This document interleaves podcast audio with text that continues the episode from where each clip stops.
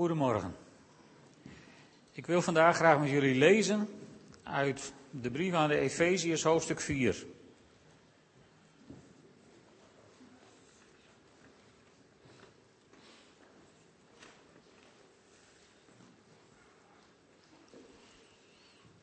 Efeziërs 4 vanaf vers 1. En dan schrijft Paulus dit. Ik, die gevangen zit omwille van de Heer, vraag u dan ook dringend de weg te gaan die past bij de roeping die u hebt ontvangen. Wees steeds bescheiden, zachtmoedig en geduldig en verdraag elkaar uit liefde. Span u in om door de samenbindende kracht van de vrede de eenheid te bewaren die de geest u geeft. Eén lichaam en één geest, zoals u één hoop hebt op grond van uw roeping. Eén Heer, één geloof, één doop, één God en Vader van allen, die boven allen, door allen en in allen is. Aan ieder van ons is genade geschonken naar de maat waarmee Christus geeft. Daarom staat er, toen hij opsteeg naar omhoog, voerde hij gevangenen mee en schonk hij gaven aan de mensen. Hij steeg op, wat betekent dat anders dan dat hij ook is afgedaald naar wat lager ligt naar de aarde. Hij die is afgedaald is dezelfde als hij die opsteeg tot boven de hemelsferen om alles met zijn aanwezigheid te vullen. En hij is het die apostelen heeft aangesteld en profeten, evangelieverkondigers, herders en leraren, om de heiligen toe te rusten tot het werk in zijn dienst. Zo wordt het lichaam van Christus opgebouwd, totdat wij allen samen door ons geloof en door onze kennis van de Zoon van God een eenheid vormen, de eenheid van de volmaakte mens, van de tot volle wasdom gekomen volheid van Christus. Dan zijn we geen onmondige kinderen meer die stuurloos ronddobberen en met elke wind meewaaien. Met wat er maar verkondigd wordt door mensen die tot alles in staat zijn wanneer ze anderen listig en doortrapt op een dwaalspoor willen brengen. Dan zullen we door ons aan de waarheid te houden en elkaar lief te hebben, samen volledig toegroeien naar Hem die het hoofd is, Christus. Vanuit dat hoofd krijgt het lichaam samenhang en wordt het ondersteund en bijeengehouden door alle gewrichtsbanden Ieder deel draagt naar vermogen bij tot de groei van het lichaam, dat zo zichzelf opbouwt door de liefde. Tot zover. Een paar opmerkingen over dit Bijbelgedeelte. Paulus begint met: Ik vraag u dringend de weg te gaan die past bij de roeping die u hebt ontvangen. Met andere woorden, de gemeente van God, het lichaam van Christus, is geen eenheidsworst, maar het is een gezelschap van mensen die een roeping of een gave van God hebben ontvangen. En uh, in vers 11 worden daar een paar genoemd: apostelen, profeten, evangelieverkondigers, herders en leraren. Maar we kennen ook de diversiteit uit Romeinen 12. En we kennen de diversiteit in de gaven van de geest in 1 Korinthe 12. Met andere woorden, God heeft ieder mens een unieke roeping op zijn of haar leven gegeven. Ook u.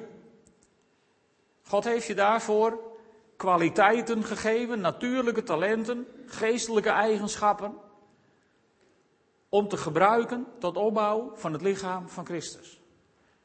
Met andere woorden, we praten hier over een enorme diversiteit. Want de schepper van hemel en aarde, de grootste creatieveling aller tijden, heeft voor ieder zijn eigen plan, zijn eigen roeping, zijn eigen weg. En hij heeft je daarvoor toegerust. En Paulus vraagt iedereen dringend de weg te gaan die past bij de roeping die hij of zij heeft. Dus er is een enorme verscheidenheid. Dat zal ook spanning opleveren. Want vervolgens gaat Paulus het hebben over bescheidenheid. En over zachtmoedigheid, over geduld. Over de vruchten van de geest, zou je zeggen, zoals hij ze in Galaten noemt. En hij vraagt, verdraag elkaar uit liefde. En dan zegt hij in vers 3, span u in om door de samenbindende kracht van de vrede de eenheid te bewaren. En dat vond ik apart. Want ik dacht, Waarom zegt Paulus niet dat we op basis van het woord de eenheid moeten bewaren? Of op basis van onze geloofsbeleidenis de eenheid moeten bewaren?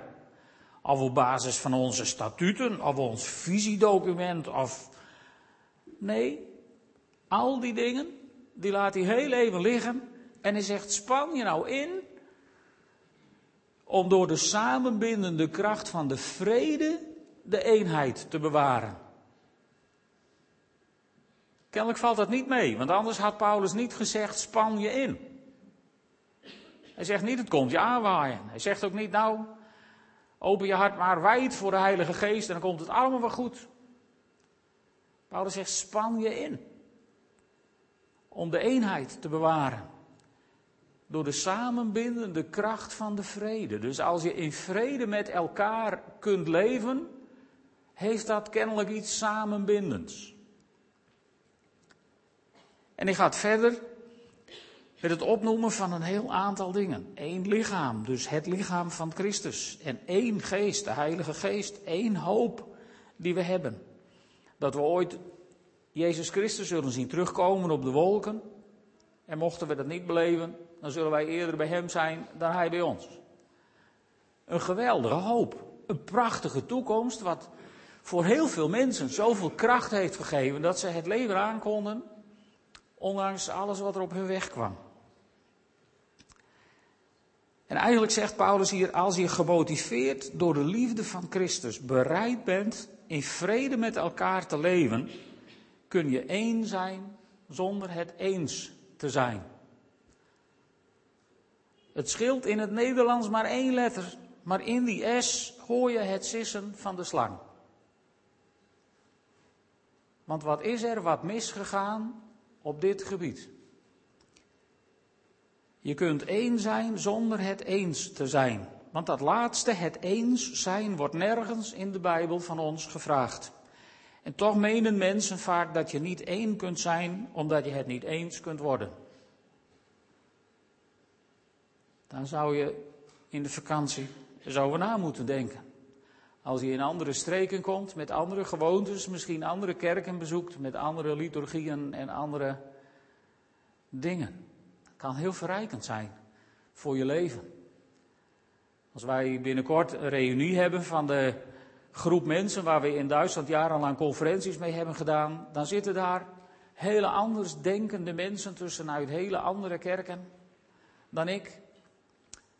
En toch beleven we eenheid met elkaar.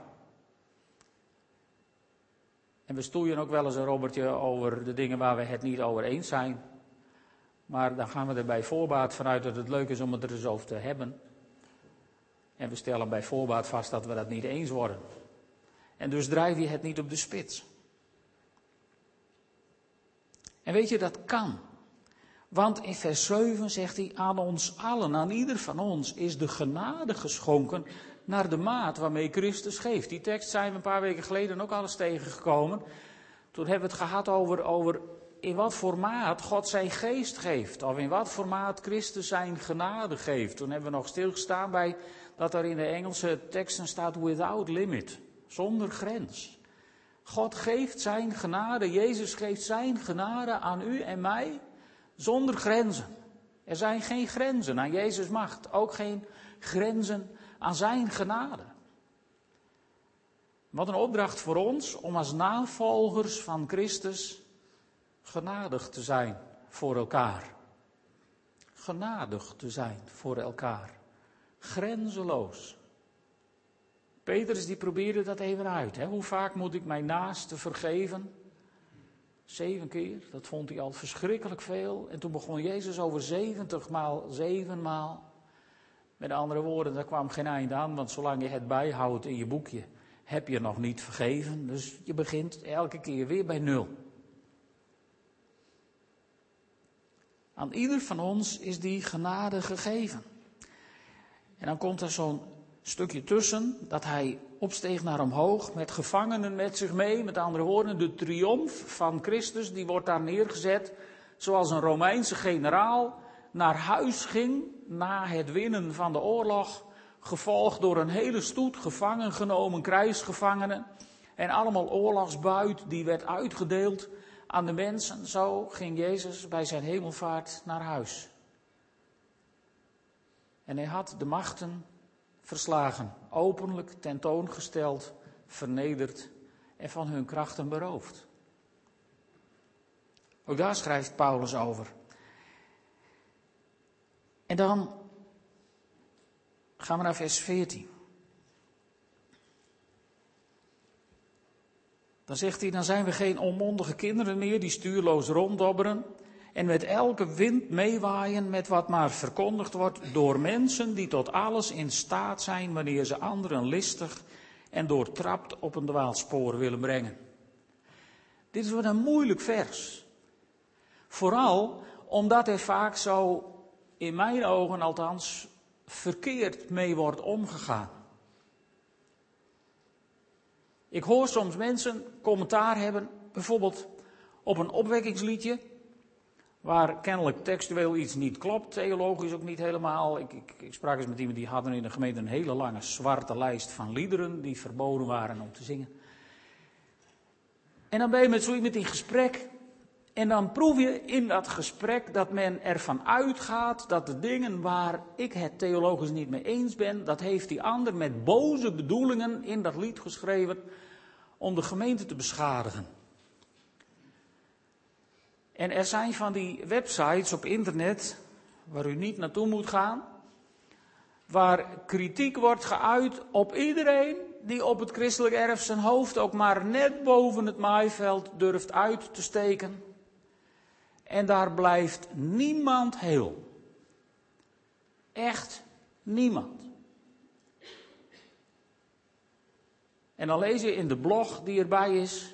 En ik heb dan altijd de neiging om te vragen van, joh, in mijn evangelie staat dat als je je broeder ziet zondigen, met andere woorden, als je ziet dat je broeder of je zuster iets doet waar jij het niet mee eens bent, misschien maak ik het te nauw, maar zo vind ik dat.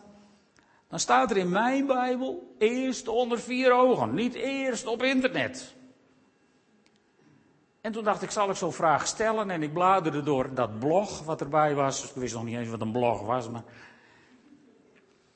Toen kwam ik die vraag tegen. Er was iemand voor mij geweest die had die vraag ook gesteld. En toen stond daar als antwoord bij: Ik ben door God aangesteld om alle leiders op deze wereld te bekritiseren. Toen dacht ik: Dat staat nergens in mijn Bijbel. Dus dat is in ieder geval onbijbels. Maar het gebeurt. Het gebeurt. En het gebeurt zo makkelijk. Als je met mensen praat over Bijbelvertalingen, krijg je ook dit soort interessante gesprekken.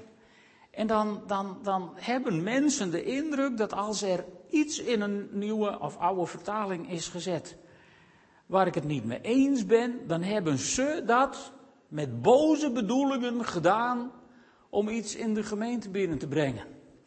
En dan denk ik, wat is dit voor flauwekul? Waarom kunnen we er niet van uitgaan dat iemand die iets anders interpreteert dan ik het gedaan zou hebben, dat doet met oprechte bedoelingen?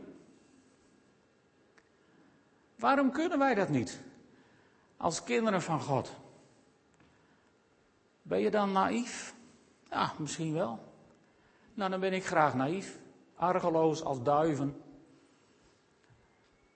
Waarom kunnen we niet aannemen dat mensen die een andere mening over sommige dingen hebben, die mening hebben met de diepste overtuiging van hun leven? Laat ik als voorbeeldje bijvoorbeeld de kinderdoop toch eens even pakken. Ik bedoel, ik ben als kind gedoopt. Omdat mijn ouders van plan waren mij deze dwaalleer tussen de oren te stampen. Ja? Ik denk het niet hoor. Want Geertje en ik hebben samen drie kindjes gekregen. In de tijd dat wij nog in de gereformeerde kerk zaten. En ik heb drie keer met zo'n wurmpje in een doopjurkje voorin bij de dominee gestaan. En er was in mijn hart niets, niets, geen sprankje idee om mijn kind nou eens even heerlijk een dwaalleer bij te brengen. Er was in mijn hart alleen maar diepe dankbaarheid en respect voor God en liefde voor Christus. En, en misschien ook wel iets wat ik niet anders gewoon wist, niet anders gewend was, een stukje traditie, maar het was ook geen traditie van de Satan. Dat was gewoon een heilige overtuiging dat het goed was wat je deed. En weet je, ik denk, als, als wij ons dat iets meer bewust zouden zijn, dat iemand die anders denkt dan ik, dat doet vanuit een zuiver hart, dan wordt die groep van vers 14 van die mensen die listig en doortrapt anderen op een dwaalspoor willen brengen, die groep wordt heel hard kleiner. Ik zeg niet dat ze er niet zijn. Ze zijn er wel. Maar aan wie is dat oordeel? Om te beoordelen of ik dat misschien wel ben. Het is hetzelfde dat, dat, dat in de Bijbel staat dat aan het eind wij allemaal beoordeeld zullen worden naar onze werken en er gekeken zal worden hoe wij verder hebben gebouwd op het fundament van Christus. Kennen u dat verhaal vast wel? En dan wordt er gekeken of u gebouwd hebt met goud en edelstenen of met hout en stro. En na het vuur, zegt God, zal wel blijken wat het is geweest. En wij kunnen maar niet wachten op het vuur. We lopen nu allemaal te beoordelen wat hout en stro is. En goud en diamanten, die vind je alleen bij mezelf. En we kunnen maar niet wachten tot God straks gaat testen en uitproberen. En Jezus maar zeggen, oordeel niet, opdat je niet geoordeeld wordt, want met de maat waarmee je oordeelt, zal ik jou beoordelen. Denk ik, wanneer gaan we op het kerkelijk erf de ernst van deze woorden begrijpen? Kijk eens naar de voorbeelden die Jezus zelf ons heeft meegegeven. Ze sleuren een overspelige vrouw voor Jezus op heterdaad betrapt bij overspel. Ik vraag me tot de dag van vandaag af waar hij dan was, want overspel doe je met z'n tweeën. Maar laat dat maar even terzijde.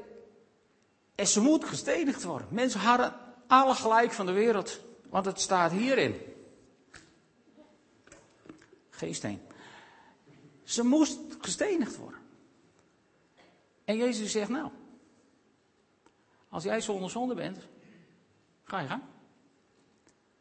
Dat is eigenlijk een heel slim antwoord. Oordeel niet, opdat je niet geoordeeld wordt. Ze snapten hem. En dan zegt hij tegen die vrouw, ik veroordeel je ook niet. Hoezo? Het is, was toch zijn woord, waarvolgens ze gestenigd moet worden. Hij was toch het woord, wat naar de aarde gekomen was. En hij houdt zich niet aan zijn woord. Nee. In ieder geval, hij oordeelde niet. Hij zei wel tegen haar zondag niet meer. Heel subtiel zo even. En als Jezus bij de put die vrouw tegenkomt en hij zegt: Ga je mannes halen? Dan is ze ineens goud eerlijk. Zegt, ik heb geen man. En dan zegt Jezus: Nu heb je de waarheid gesproken. Je hebt vijf mannen gehad en de man die je nu hebt is die man niet. Jullie wonen samen. Maar hij oordeelt niet. Hij zegt niet verdwijn uit mijn ogen. Hij zegt ook niet, je bent niet geschikt voor de dienst in het koninkrijk. Deze samenwonende vrouw krijgt van God de ruimte om een hele stad te evangeliseren en tot bekering te brengen. Hè? Dan moet je vandaag om komen in de kerk. Waar ik overigens niet voor pleit, hè? dus begrijp me goed. En, en, en, als Zacchaeus, zeg maar, de hoofd van de lokale maffia in de boom zit om Jezus even te zien, dan komt Jezus niet onder die boom staan en zegt, Meerlap, zou je niet eens naar beneden komen? Dat zegt hij niet, hè? Jezus komt onder die boom staan en die kijkt omhoog. Zacchaeus dacht dat hij goed verstopt zat, maar voor Jezus verstop je je nog een keer niet zo. En die zegt, Zacchaeus, ik kom vandaag bij je eten. En iedereen die dacht, hallo, hallo. Wij de vroomheid zelf en daar gaat hij eten. Dat kon natuurlijk helemaal niet, maar Jezus deed het. Moet ik gewoon nog even doorgaan? Ik bedoel, hij ontmoette overal zondaren en, en hij, hij, was, hij praatte het niet goed, maar hij kwam ook niet gelijk met een oordeel. De enigen die eigenlijk elke keer weer een probleem met Jezus hadden, waren mijn collega's. de schriftgeleerden. Ik bedoel, die hadden elke keer mot met hem. Misschien wel omdat ze het woord gewoon niet verkeerd, niet goed begrepen. Misschien wel omdat ze altijd in discussies waren, want die oude Joden die konden er ook wat van hoor vroeger. En misschien nog wel, maar dat weet ik niet. Maar in ieder geval in die tijd, ze konden er wat van. Discussiëren, geschriften schrijven tegen elkaar. Geen blogs, want die hadden ze nog niet. Ze deden dat nog met een ganzenveer op een stukje perkament. Maar het kwam op hetzelfde neer. En ze waren voortdurend in strijd gewikkeld om het eens te worden. En ze hadden altijd mot met Jezus. En daar moeten wij wat van leren met elkaar. En ik denk dat de sleutel zit in het volgende vers, vers 15. Daar staat in de nieuwe Bijbelvertaling: Dan zullen we door ons aan de waarheid te houden en elkaar lief te hebben, samen volledig toegroeien naar Hem die het hoofd is. Maar dat is nou net het probleem. Wat is nou de waarheid?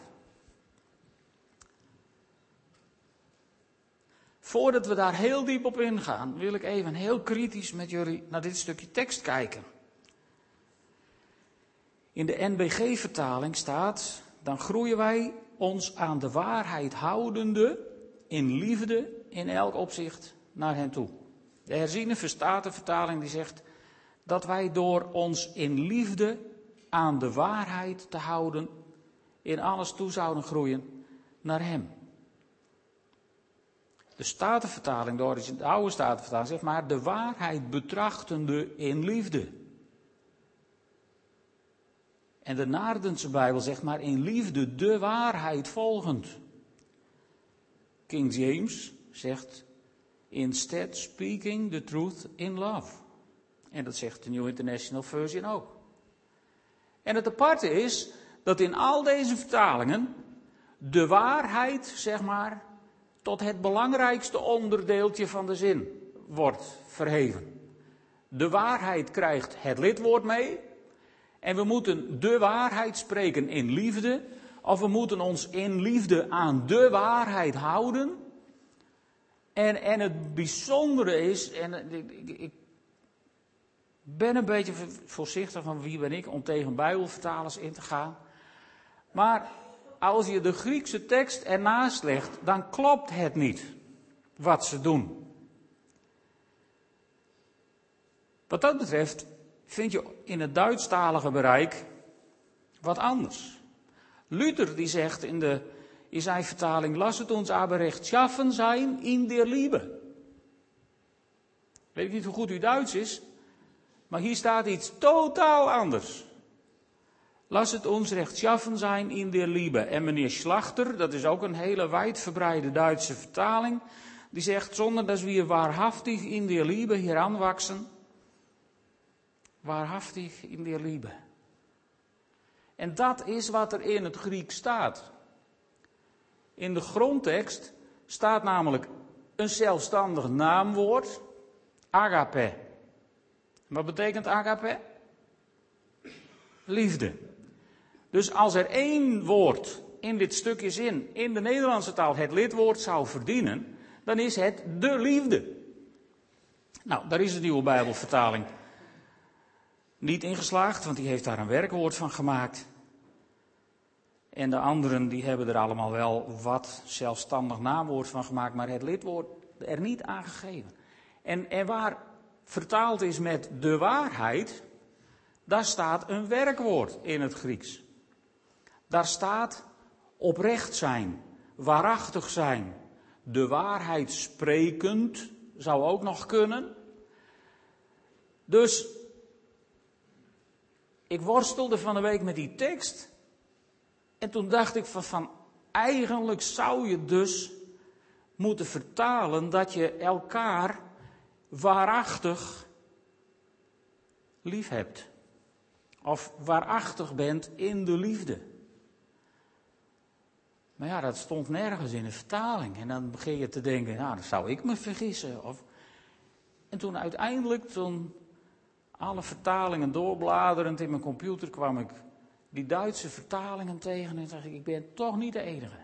Nou, daarom heb ik het lef om het met jullie te delen. Er zou dus eigenlijk moeten staan, dan zullen we door elkaar waarachtig lief te hebben, samen volledig toegroeien naar Hem die het hoofd is. Hoe vind je die zin? Die mag je van me lenen. Gratis. Door elkaar waarachtig lief te hebben, groeien we toe naar Hem die het hoofd is. Weet je, waarheid en liefde kunnen namelijk zo gemakkelijk elkaars concurrenten worden. Want je kunt elkaar met de waarheid om de oren slaan. Dat is op het kerkelijk erf heel populair. Je kunt elkaar ook in liefde de waarheid zeggen. Dat is tegenwoordig ook, ook in. Want je moet assertief worden en je moet je boodschap in de ik-vorm verpakken. En dan kun je heel netjes en heel vriendelijk in de ik-vorm een ander een steek onder de gordel geven waar hij geen weerworp heeft. En dan heb je elkaar in liefde de waarheid gezegd. En wat ben je ermee opgeschoten? Niks. Want er is iets met die liefde. Petrus die zegt namelijk iets over die liefde.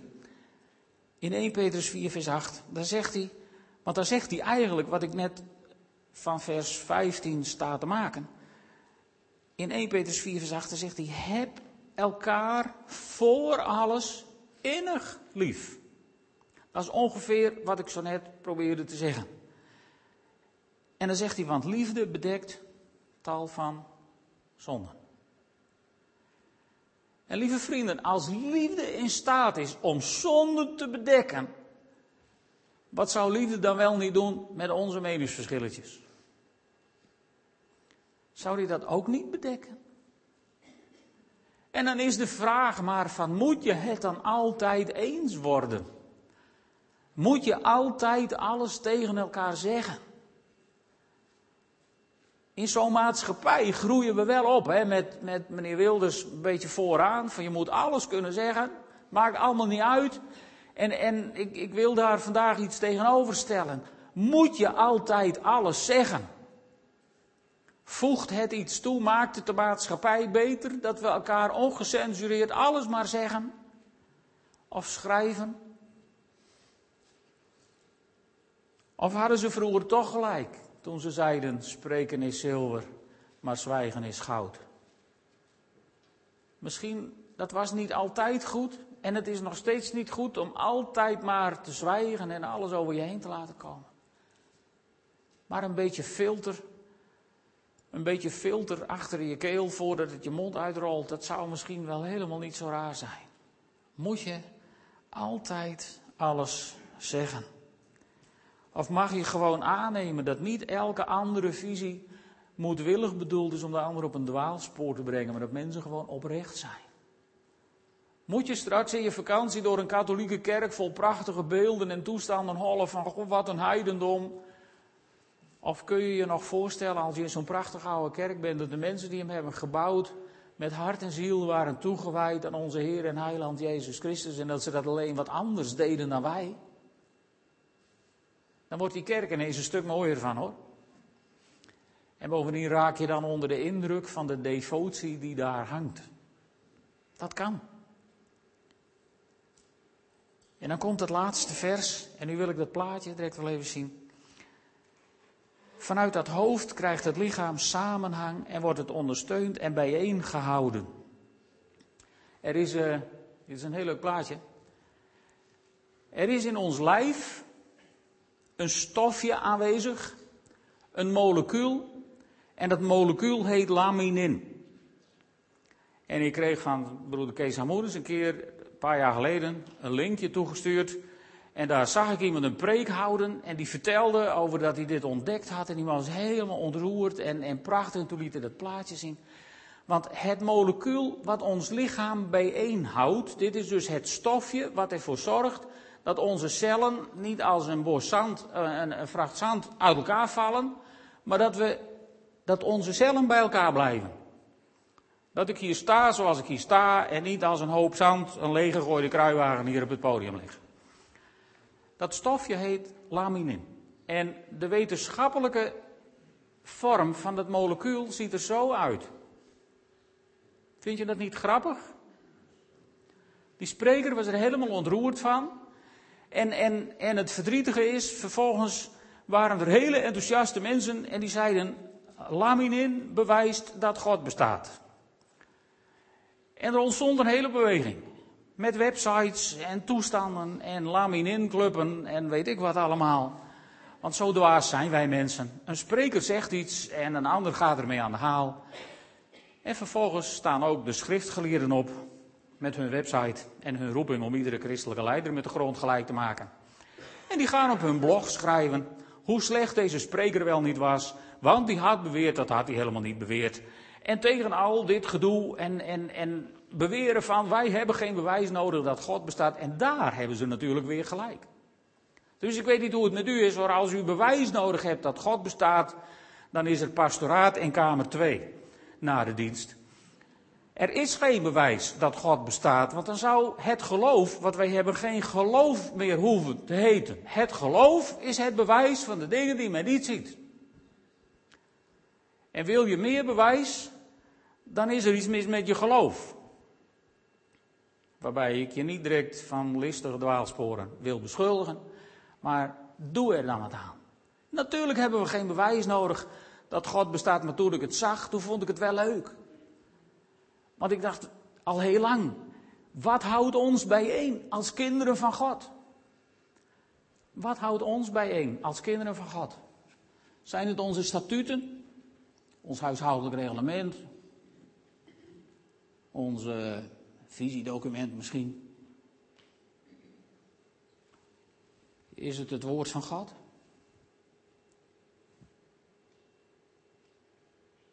Wat houdt ons bijeen? Wat houdt het geestelijke lichaam van Christus bijeen? Het kruis toch? Het kruis toch? Als Paulus toch tegen de Corinthiërs zegt van ik heb besloten om u geen andere kennis te brengen dan die over Jezus Christus de gekruisigde. Dat is toch wat ons verenigt, of niet? Dat is toch waar we elkaar ontmoeten, aan de voet van het kruis. En als je aan de voet van het kruis wilt zijn, lieve vrienden, dan moet je je op één ding voorbereiden. Daar ontmoet je Roomse rakkers, daar ontmoet je uh, pluriforme protestanten, daar ontmoet je vrijzinnige doopsgezinden, daar ontmoet je in de geest vallende Torontogangers, daar ontmoet je uh, ongelooflijk orthodoxe vrijgemaakten. Daar ontmoet je alles wat je je maar kunt bedenken. En die ontmoet je daar, aan de voet van het kruis. En daar staan mensen tussen waarvan jij misschien wel weet dat ze in zonde leven. En als Jezus ertussen zou staan, dan zou hij tegen die mensen zeggen: Ik veroordeel je niet. En jij bent eerlijk geweest. Ja, die man die je nu hebt, is je man niet. Maar ja. Meer zal hij er misschien wel niet voor zeggen, maar dat deed hij toen ook niet. Wil jij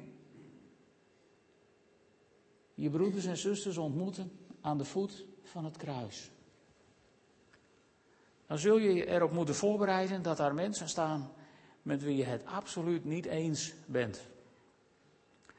En je hebt daar aan de voet van het kruis maar één weg te gaan. En dat is het één zijn met anderen.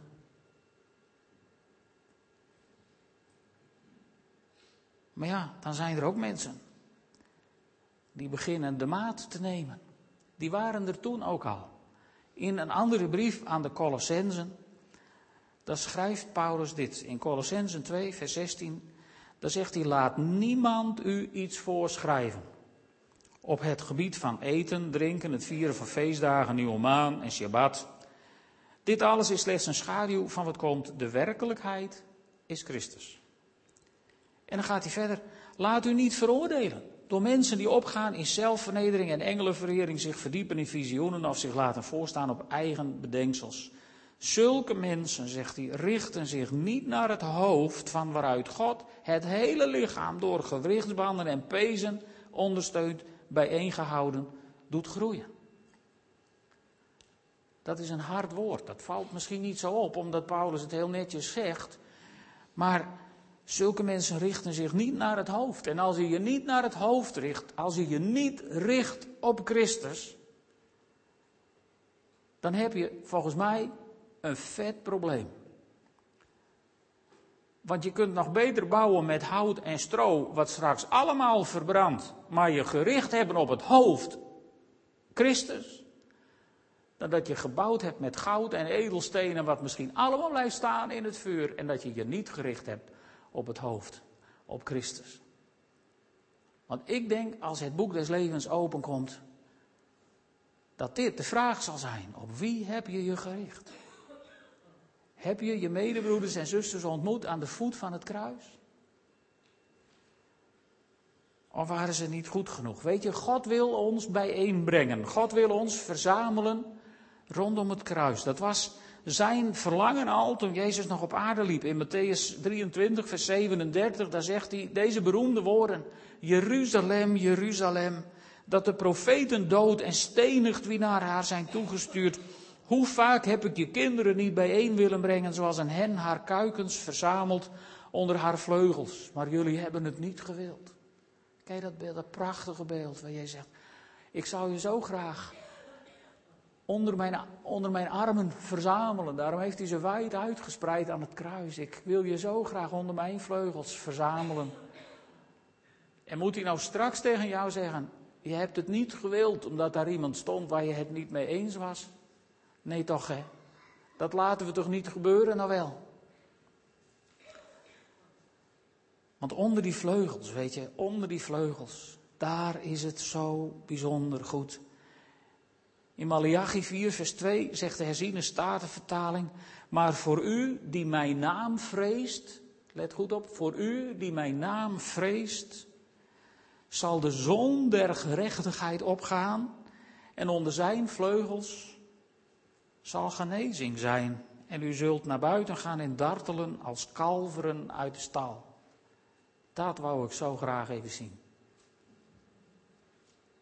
Want wie is de zon der gerechtigheid? Wie is de zon der gerechtigheid? Hij, hij openbaart zichzelf in openbaringen. Mooi hè, grappig. Hij openbaart zichzelf in openbaringen 22, vers 16. Ik, Jezus, heb mijn engel gestuurd om jullie deze dingen bekend te maken voor de gemeenten. Ik ben de telg van David, zegt Jezus, zijn nakomeling, de stralende morgenster. De zon der gerechtigheid, de morgenster, de stralende morgenster die opgaat. De zon der gerechtigheid. Dat ben ik, zegt Jezus. En onder mijn vleugels is genezing. Onder zijn vleugels is genezing. En ik denk dat de meest primaire genezing onder zijn vleugels, en ik sluit daarmee absoluut niet uit dat er onder zijn vleugels, heel dicht bij hem, aan het vaderhart van God, genezing is voor je lichaam. Maar ik geloof primair dat er genezing is voor je ziel en nog belangrijker dat er genezing is naar de geest en genezing is voor het lichaam van Christus. Als wij ons vergaderen aan de voet van het kruis, onder de schaduw van zijn vleugels, zal er genezing zijn. En ik geloof in een genezing van het lichaam van Christus. Waar verschillende gelovigen uit verschillende kerken en stromingen en denominaties elkaar ontmoeten. En in liefde met elkaar zijn aan de voet van het kruis. En weet je, als je aan de voet van het kruis komt, als je samen aan het bidden bent met hele anders denkende mensen, dan kom je namelijk aan de voet van het kruis. En dan word je helemaal sprakeloos. En dan ga je realiseren dat God ook van die ander houdt. Met die dwaalleer. Waar je zo makkelijk over kon oordelen tot je het een aardig mens van vlees en bloed begon te vinden. Ik vind dat maakt het leven altijd zo ingewikkeld. Ik bedoel, die heiligen vroeger die op een paal gingen wonen, heel hoog in de lucht, die hadden het zo makkelijk. Die ontmoetten geen andere mensen, die konden heerlijk oordelen over alles en iedereen. En die konden iedereen een ketter noemen. Maar als je een ketter ontmoet en je vindt hem of haar aardig, Hebben jullie daar nooit last van? Nee? Dan wordt het zo ingewikkeld.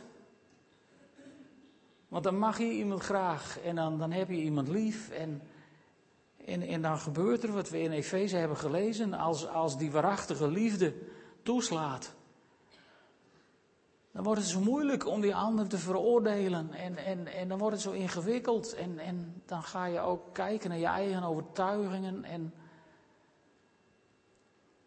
het leven wordt moeilijk als je elkaar lief gaat hebben. En aan de andere kant wordt het leven zoveel gemakkelijker als je gaat begrijpen wat het met je doet.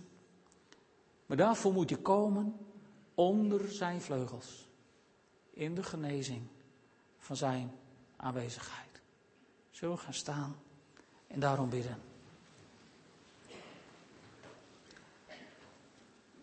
Vader in de hemel, ik dank u wel voor het offer van uw zoon.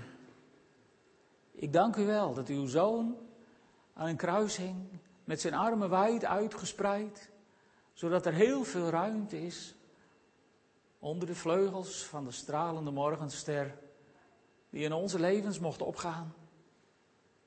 En ik bid u, Heer, als we mensen hebben, hebben veroordeeld, omdat we het niet eens waren, vergeef het ons alstublieft. Heer, breng ze opnieuw op onze wegen. Laat ons hen opnieuw ontmoeten om het goed te maken met elkaar. En leer ons te zwijgen. Leer ons te worden als u, Heer. Want u werd als een lam naar de slagbank geleid en u deed uw mond niet open. Terwijl u toch alle gelijk van de wereld had. Heere God, leer ons te worden zoals uw zoon. Leer ons steeds meer te begrijpen. Dat het u er niet om gaat wie gelijk heeft. En dat het u er niet om gaat of alles wat iedereen zegt en denkt theologisch wel 100% klopt, maar dat u kijkt naar het hart van de mensen. Heer, en als ons hart u is toegedaan, als we ons richten op het hoofd, op uw Zoon Jezus Christus. Heer, dan wilt u ons verzamelen onder uw vleugels en dan wilt u ons brengen in uw genezende aanwezigheid. En ik bid u nu, Heer, u ziet ons staan allemaal zoals we hier zijn. Breng ons in uw genezende aanwezigheid. Heren, en schenk ons die genade dat wij elkaar waarachtig mogen leren liefhebben, zoals u ons hebt liefgehad. Heer, en dan hoeven we het niet eens zelf te doen, maar u giet uw liefde in ons uit. Om die te delen met elkaar hier en ver buiten deze kerkmuren. Heer, leer het ons te leven zoals u. Amen.